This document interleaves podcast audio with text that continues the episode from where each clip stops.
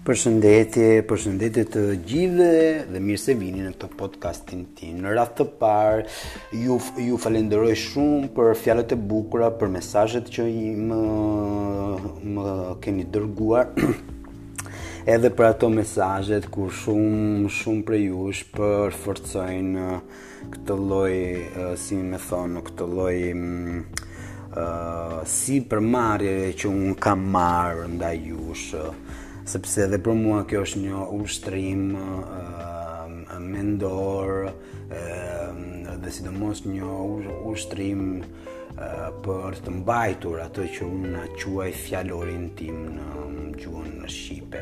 sidomos kur kam akoma disa vështirësi të vogla për sa i përket përkthimit, po edhe sepse siç shumë prej jush dini jam një person belbëzues apo jo, dhe një herë tjetër do t'ju flas për belbëzimin tim. Okej, atëherë, sot doja të si me thënë në shqip të përshëndesja pra me këtë podcast dhe për t'i uruar uh, asaj uh, një, një jetë akoma dhe më të bukur ajo sot është një person që mbush vitet mbush vitet në një situatë ku ajo është duke vuajtur sepse si çdokush prej nesh Edhe ajo ka humbur dikë për të të shtrenjtë. E përshëndes dhe nga larg, e përqafoj fort dhe i uroj me të vërtetë mbështetjen time profe profesionale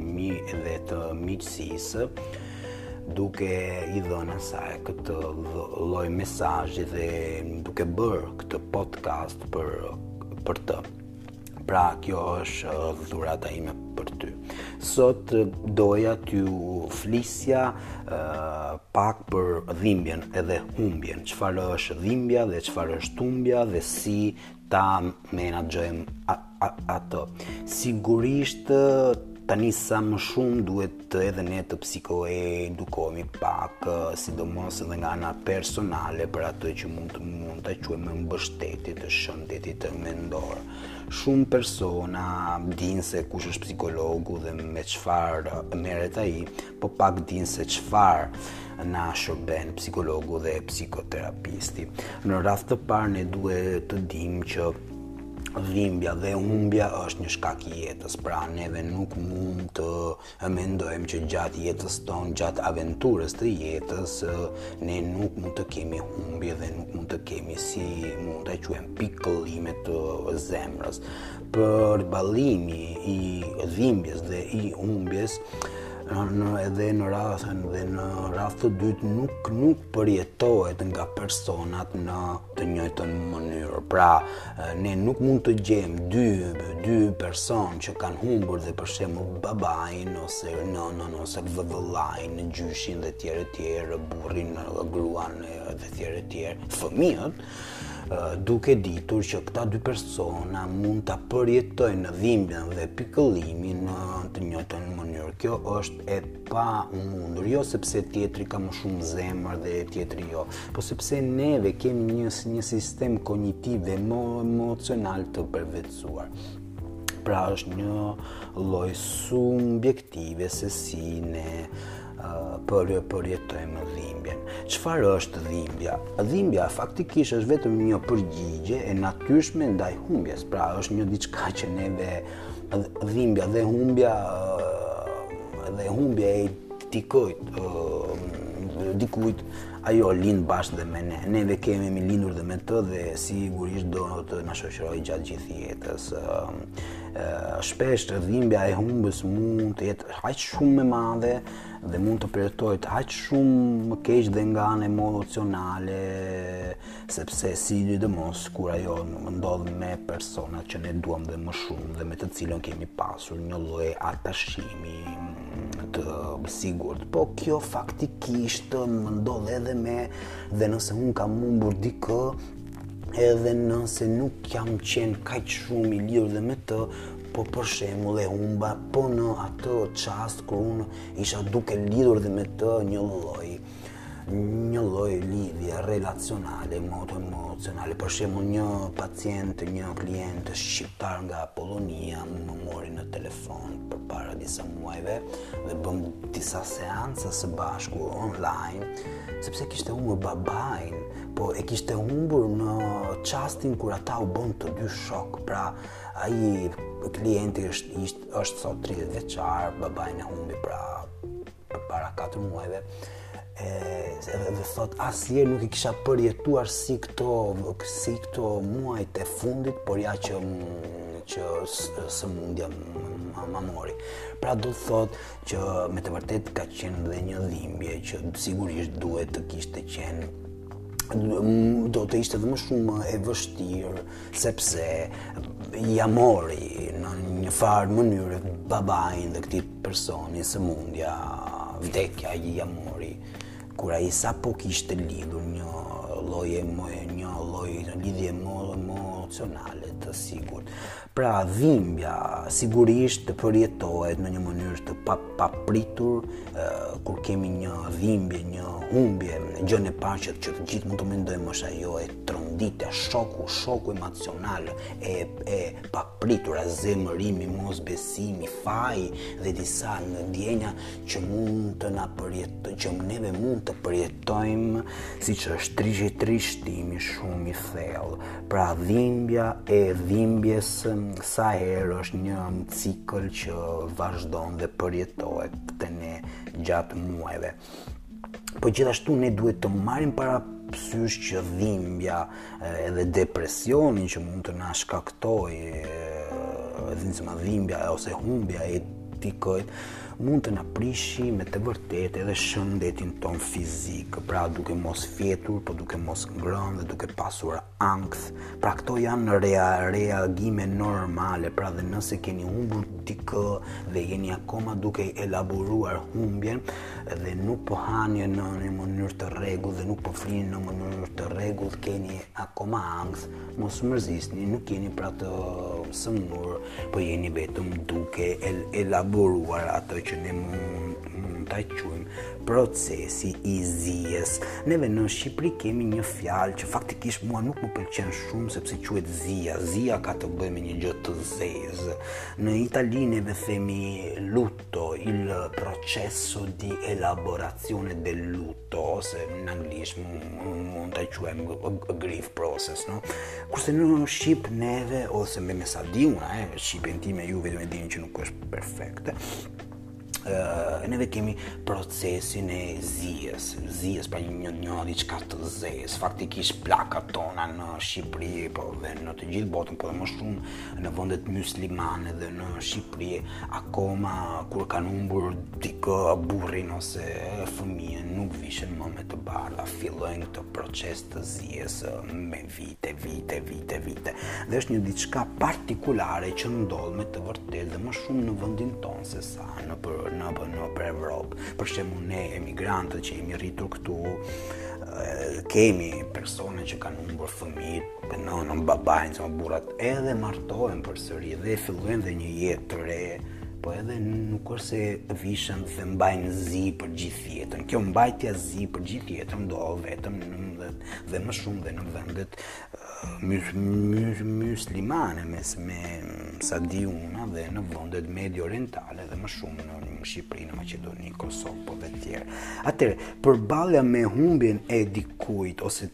atë që mund ta quajmë di që diçka që kemi humbur. Si si që thash,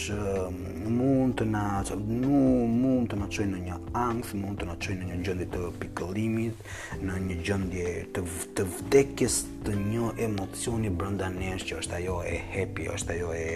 e,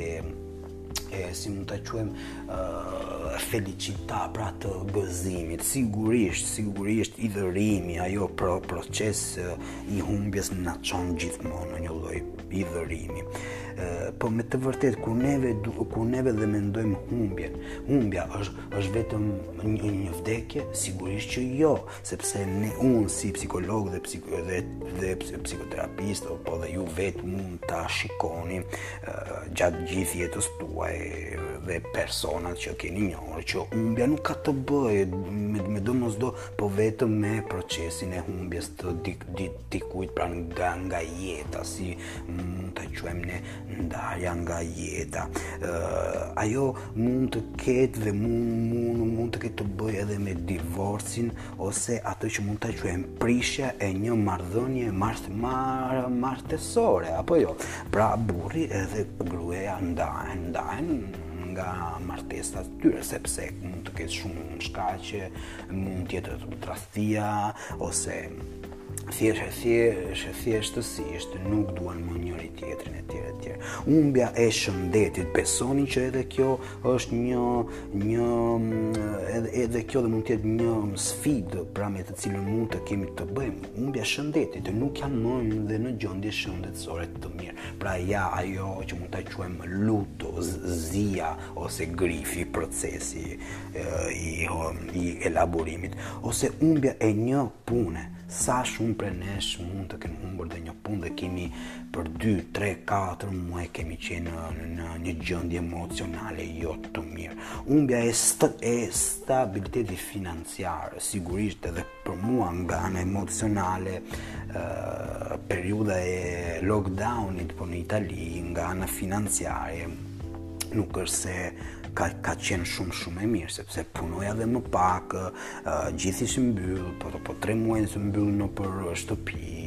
edhe sigurisht që edhe unë kam përjetuar një lloj elaborimi, një abort spontan, sa femra në terapi Pi, kur bëj emin,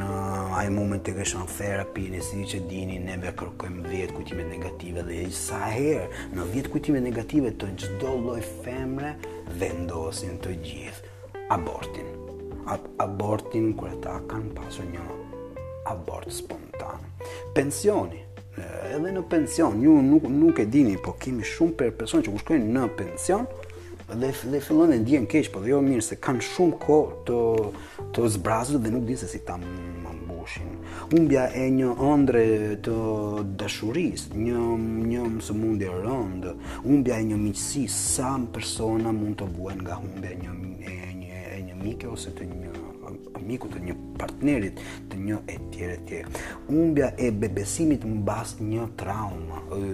Neve që merremi dhe me trauma në këto mund të shikojmë sa herë. Kur kemi qenë të shokuar nga një traumë, një abuzim seksual, psikologjik, fizik e tjerë, kemi humbur besimin. Ose shitja e, e shtëpisë familjare ku ti je rritur, hm? dhe për shembull faktikisht kur erdhëm në Itali, unë isha 11 vjeç, babi domethënë, mami dhe për shembull, 11 vjeçar, erdhëm në Itali dhe mbas 2-3 viteve në 95-ën shitën shpinë në Tiranë. Edhe sigurisht ajo shtëpia në Tiranë ku ku unë isha rritur, sigurisht në kur isha 18 vjeçar, 15 18 po 18 vjeçar, Më erdhi shumë keq që e kishin shitur dhe pa na pyetur, e doni ta mbani shtëpinë po në Tiranë apo jo, se kështu ishte puna. Pra, sigurisht, sigurisht që edhe kjo mund të jetë ose spostimi, pra emigrimi, emigrimi vetë është një traumë që çdokush prej nesh e ka përjetuar. Pra, mund të kemi edhe humbje të vogla dhe humbje të mëdha. Sigurisht ato që duhet të kuptojmë që, që ajo që neve mund të vuajmë është një ndjenjë dhimbjeje. Për shembull, mund të kemi ja, këtë këtë lloj ndjenje edhe të të fajit. Neve shikojmë shumë persona që kur humbin dikë sikur dhe fillojnë ndihen fajtorë, po ta kisha kuptuar dhe më mirë që ishte pak e sëmurë, po si por tani, po sikur të të kisha bërë më shumë dhe të kisha konsultuar dhe doktorin, po po sikur martesa ime mos të kishte Të ndarë në këtë mënyrë se se sepse mbase kam qenë fajtor, unë, ka qenë fajtor ai dhe fillojmë shumë merë e ndër e ndërlikojmë atë proces të zisë duke kërkuar shkaqet, duke kërkuar atë që mund ta quajmë për përgjegjësinë. Edhe sigurisht shumë persona me sa kam parë në procesin e këtyre llojeve të, e elaborimit, shumë persona fillojnë edhe pse jo të mos ndjehen të përshtatshëm për jetën kur humbin dikë dhe një emocion që ngatërron dhe më shumë procesin e elaborimit është faj faji është, është një nga procesi i elaborimit që ndërlikon më shumë atë lloj elaborimi, atë lloj përpunimi, sepse një diçka dua t'ju them, që procesi i elaborimit, procesi i zemërimit, i pikëllimit, i humbjes të çdo lloj eventi, personave e tjerë e tjerë që mund neve mund të vuajmë, pro procesi automatikisht mund të zgjidhet brënda gjashtë, tetë muaj. Pak a shumë kjo këtë na thotë shkenca. Pra do thotë që nëse ne e, dhe që dhe që nëse ne e lejojmë vetveten tonë të qajmë, të hidhërohemi, të pra të ndjejmë dhimbjen dhe mos ta ndërlikojmë atë duke duke gjetur shkaktarët, po duke duke ndjerë veten fajtor etj etj etj. Kjo sigurisht brenda 6 muajve mbaron. Por sa më shumë kurse sa më shumë ti fillon dhe duke dhe duke menduar mbi vetveten se ti je fajtor, se ti mbase ke gabuar sepse kjo miqësi ose kjo raport ose kjo se dashuri iku ose mbaroi në këtë mënyrë sepse mbase ke fajin ti e tjerë, e tjerë, e tjerë, e tjerë, e tjerë, e tjerë, sigurisht që do ta ndërlikosh akoma më shumë dhe sigurisht në atë çast dhe në atë moment mund, mund të lindi ajo që ne mund ta quajmë kërkimi për një mbështetje psikologjike tek psikologu ose akoma dhe më mirë te psikoterapisti. Pra, mm, një diçka duhet pra të dimë që pikëllimi është një përvojë individuale që çdo person mund ta përjetojë atë në një mënyrë vetjake, pra edhe ai sigurisht i adaptohet jetës gjatë kësaj procesi të, të pikëllimit, të humbjes, ai, i adaptohet jetës në një mënyrë ndryshe, pra sigurisht duhet të adaptohet jetës në një mënyrë ndryshe, në procesin në terapinë gestaltiste, për shemull, procesi i hidhërimit, humbjes, pikëllimit, e tjera, e tjera, e tjera, terapisti gestaltist kërkon atë që mund ta quajmë interrupsion i kontaktit, pra ku je duke ku ku ke ngecur, pra në në të cilën fazë ke ngecur. Do të shikojmë të cilat janë fazat e një mund ta themi një uh, pikëllimi dhe një procesi të elaborimit të mirë. Ëm um, Mos mendoni se për shembull pa pa bërë gjë elaborimi i zisë pa bërë gjë ose duke lënë më një anë elaborimi i zisë mund të shkojë gjithmonë mirë. Jo. Pra, një mit që duhet të hedhim hedhim poshtë është që për shembull Dhimbja uh, zhduket më shpejt dhe edhe nëse ju e injoroni atë. Kjo nuk është e vërtetë. Jo, ju ju thashë që nuk duhet të injoruar, por uh, duhet përjetuar një, një fakt tjetër është që sa më shumë ju kërkoni të injoroni dhimbjen për për ta ndalur atë uh, aq më shumë ajo mund të rritet. Pra, këtë kam folur shumë shpesh për, për këtë ndjenjë paradoksale në librat e mi, kurthet e mendjes, terapia metakognitive, ju kam folur shumë shumë herë për këtë lloj terapi pe, para, para, paradoksale, që sa më shumë kërkojmë, kërkoni, të të të të të ndaloni një një diçka ajo aq më shumë rritet një mit tjetër që sigurisht në Shqipëri kjo është dhe më shumë për ne burrat shqiptarë, për djaloshat shqiptarë, është që miti që ti je ti je burrë, je i fortë, pra nuk duhet të vuash përballë humbjes. Një fakt tjetër është që mm, nëse ti ndjen ndjen veten të të trishtuar, të frikësuar ose të vetmuar, duhet pra ditur që kjo është një rea, rea, reagim normal ndaj humbjes të faktikisht fa faktorët dhe shkenca na na thotë që në qoftë se don të qash ti duhet të qash. Kjo nuk, nuk do të thotë që ti je i dobët. Po anzi, po përkundrazi, ti je duke mbrojtur vetveten, je duke mbrojtur familjen dhe miqtë tuaj, e tjere, tjere, tjere. Pra, tregimi i ndjenjave, zemrës tuaj, pra në të vërtetë, pra, çfarë përjetoni mund të ndi mund të ndihmojë ju edhe personat rreth jush. Kam vënë re shpesh dhe për shembull që fëmijëve në Shqipëri, I mbahet sekret humbja e babait edhe e nënës, duke menduar jo se është shumë i vogël dhe, dhe nuk duhet t'i themi fëmijës këtë. E para e punës kjo është një budallallëk shumë i madh që vetëm një kulturë fetare, që vetëm një kulturë shumë e dobët mendon se është e mirë. Në në radhë të parë shkenca dhe na thotë që një fëmijë ka më shumë kompetencë për të elaboruar për të për të përpunuar një humbje se sa një i rritur. Pra dhe nëse një fëmije dhe i ka humbur babai apo dhe nëna duhet të thonë babi ka ka ndruar jetën duhet vënë dhe fëmija në dijeni, pra duhet t'i thuhet fëmijës që o babi ka shkuar në parajsë, hajde të vizatojmë së bashku babain, ti dhe unë po në parajsë një ditë do të shikohemi domethënë të takohemi përsëri domethënë po jo siç kam marrë vesh në disa workshope me psikologë dhe psikoterapistë kolegët e mi që më kanë treguar për rastet kur fëmijës i kanë thënë babai ka shkuar në Itali në në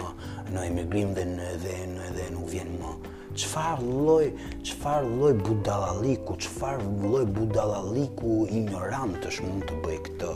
duke i vënë kështu dyshimin fëmijës që babai me të vërtetë e ka braktisur dhe s'ka për t'u, t'u Kthyer më pra ai nuk nuk meriton babain. Pra kjo është një një traumë atashimi që duhet pra parandaluar. Asnjëherë duhet t'i themi fëmijës të vërtetën. Një mit tjetër që mund të themi është që vajtimi mund të zgjasë rreth një, një viti. Ju ju thashë, korniza e asaj e asaj kohës te, temporale, pra nuk ka një një diçka specifike se sa mund të zgjasë. Ajo më ndryshon nga personi në, në person. Uh, një mit tjetër është që duhet të vazhdosh jetën tënde dhe,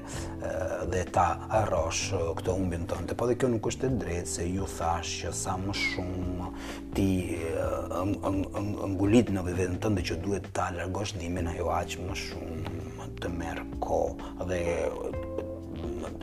dhe të ngurthet përpara teje. Pra duhet që të pranojmë dhimbjen, të kuptojmë procesin e pikëllimit, hm,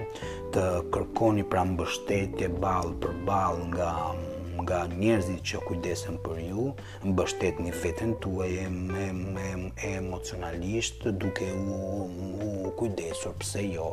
edhe për veten nga ana fizike. Ë pra duhet edhe pak a shumë të dini dif diferencën dhe midis depresionit dhe procesit të dhimbjes.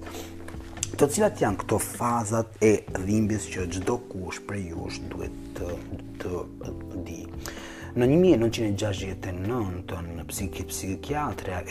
Elizabeth Kubler-Ross preze preze ezantoi ato që janë bërë të të njohura si pesë fazat e dhimbjes dhe këto ne mund të shikojmë në çdo lloj psikologjie psikoterapie. Këto faza të hidhërimit u bazuan në studimet e tij mbi ndjenjat e, e pacienteve që për, për që ishin pra të përballuar me një sëmundje terminale pra por shumë njerëz i kanë përgjithësuar ato në lloje të tjera të ndryshimeve dhe humbjeve negative të jetës.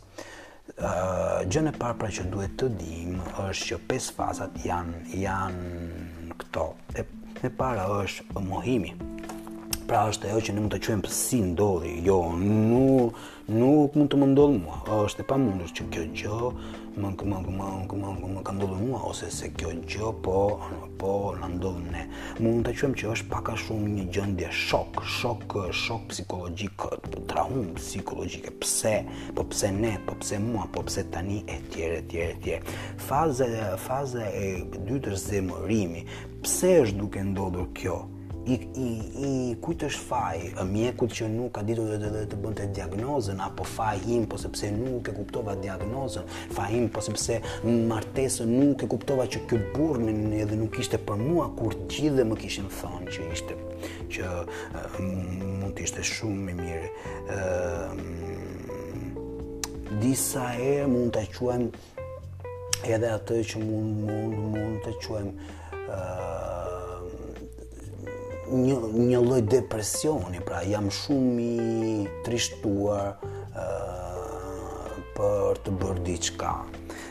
Kjo është një nga fazat më të forte që mund të gjejmë tek pesë fazat e dhimbjes dhe humbjes përpara de për depresionin duhet pra të dimë që mas zem zë zemërimit mund të na ndodhë ajo që ne mund ta quajmë uh, ato dhe fillojnë ndry, ndryshojnë mendimet ndaj jetës apo jo çfarë do ndodhi me mua qysh e tje unë jam i zemëruar unë jam vetëm e tjerë e tjerë dhe kjo na na sigurisht na çon në fazën të katërt që është dë dë depresioni në faktikisht nuk më pëlqen depresion sepse është një lloj hidhërimi shumë i fortë, një lloj e këtu mund të kemi edhe atë sindromën anksioze, pra personi mund të ketë edhe ankth, ë, depresion ankth. Po nuk është një farë depresioni, është një është më shumë një ankth i i trishtueshme, sepse faktikisht personi është shumë i trishtuar aq shumë sa nuk ka më forcë dhe energji për të bërë asgjë.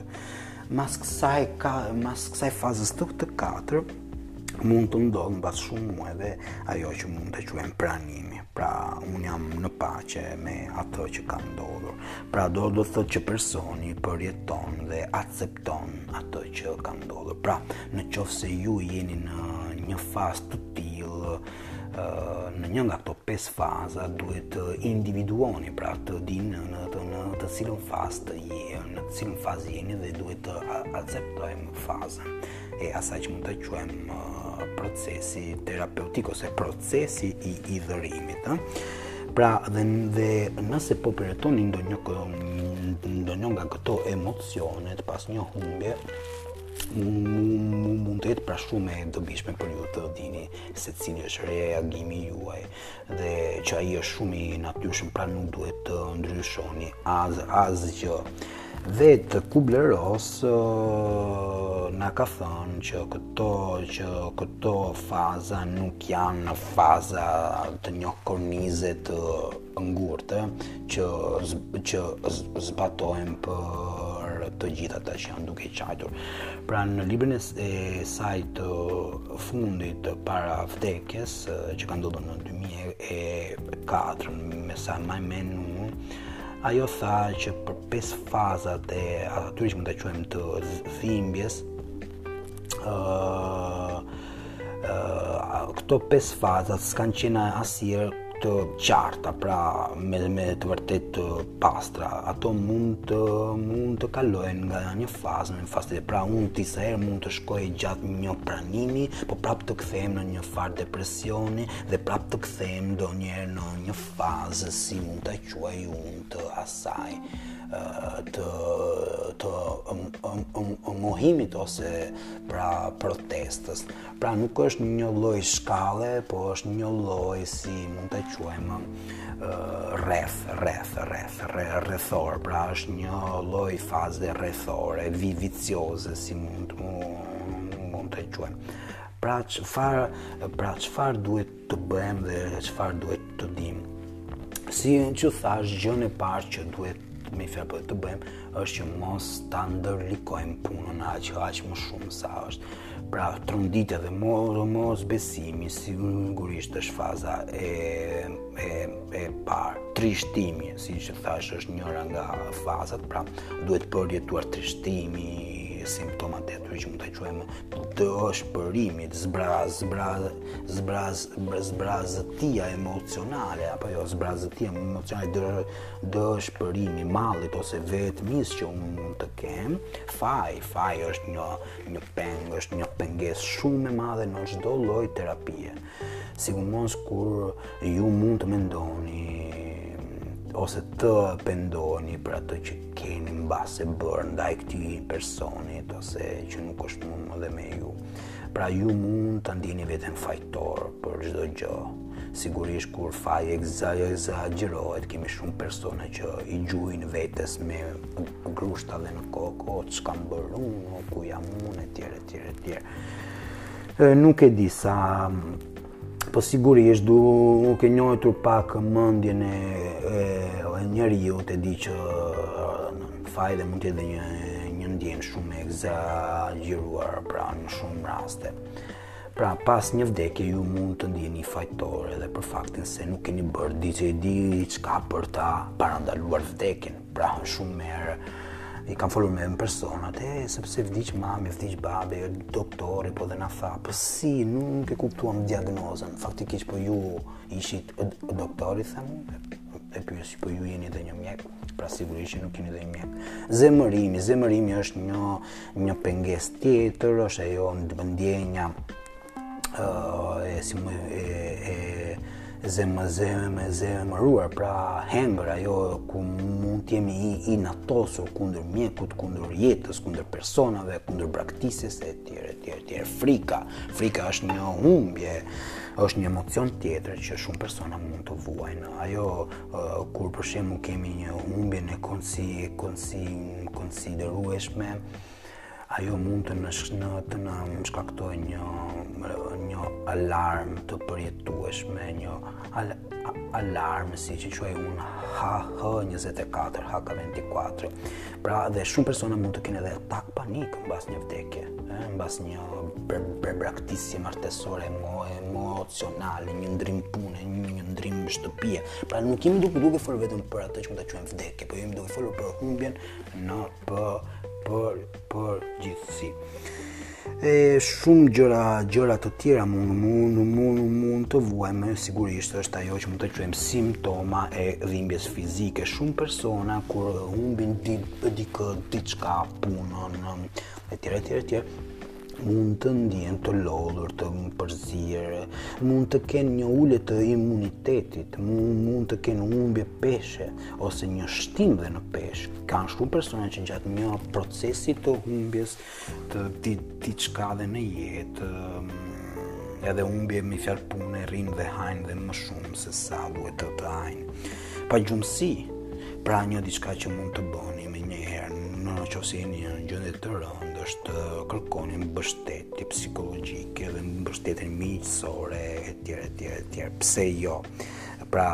flisni dhe me dhe të sa më shumë në në qoftë se në familje keni humbur dhe të gjithë nënën dhe babain dhe flisni dhe midis jush për dhimbjen. Mos u mbyllni në vetvete, mos e mbyllni dhimbjen tuaj në vetvete. Ju flisni dhe me miqtë dhe me shokët, me kolegët për çdo gjë. Keni humbur punën, keni humbur uh, gjendjen martesore, uh, një fëmijë, një baba dhe një nënë flisni, mos u mbyllni në vetvete. Mbyllja në vetvete mund mund të na shkaktojë akoma dhe më shumë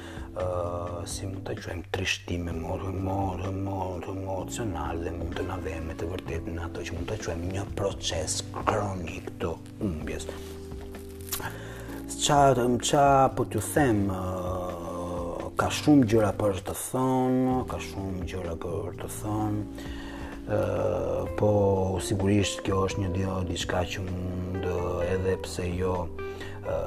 ta përforcoj në një podcast tjetër, megjithatë gjënë që, që kisha dhe dëshirë të ju flisja pak a shumë jua thashë një diçka një një diçka dua një mesazh dua t'i jap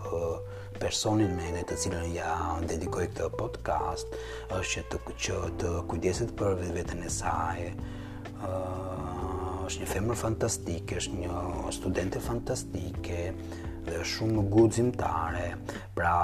ta përjetojë këtë lloj situate pa u ndalur tek tek një fazë ose tek tek një fazë tjetër, po duke për për përjetuar vetë veten e saj dhe pse jo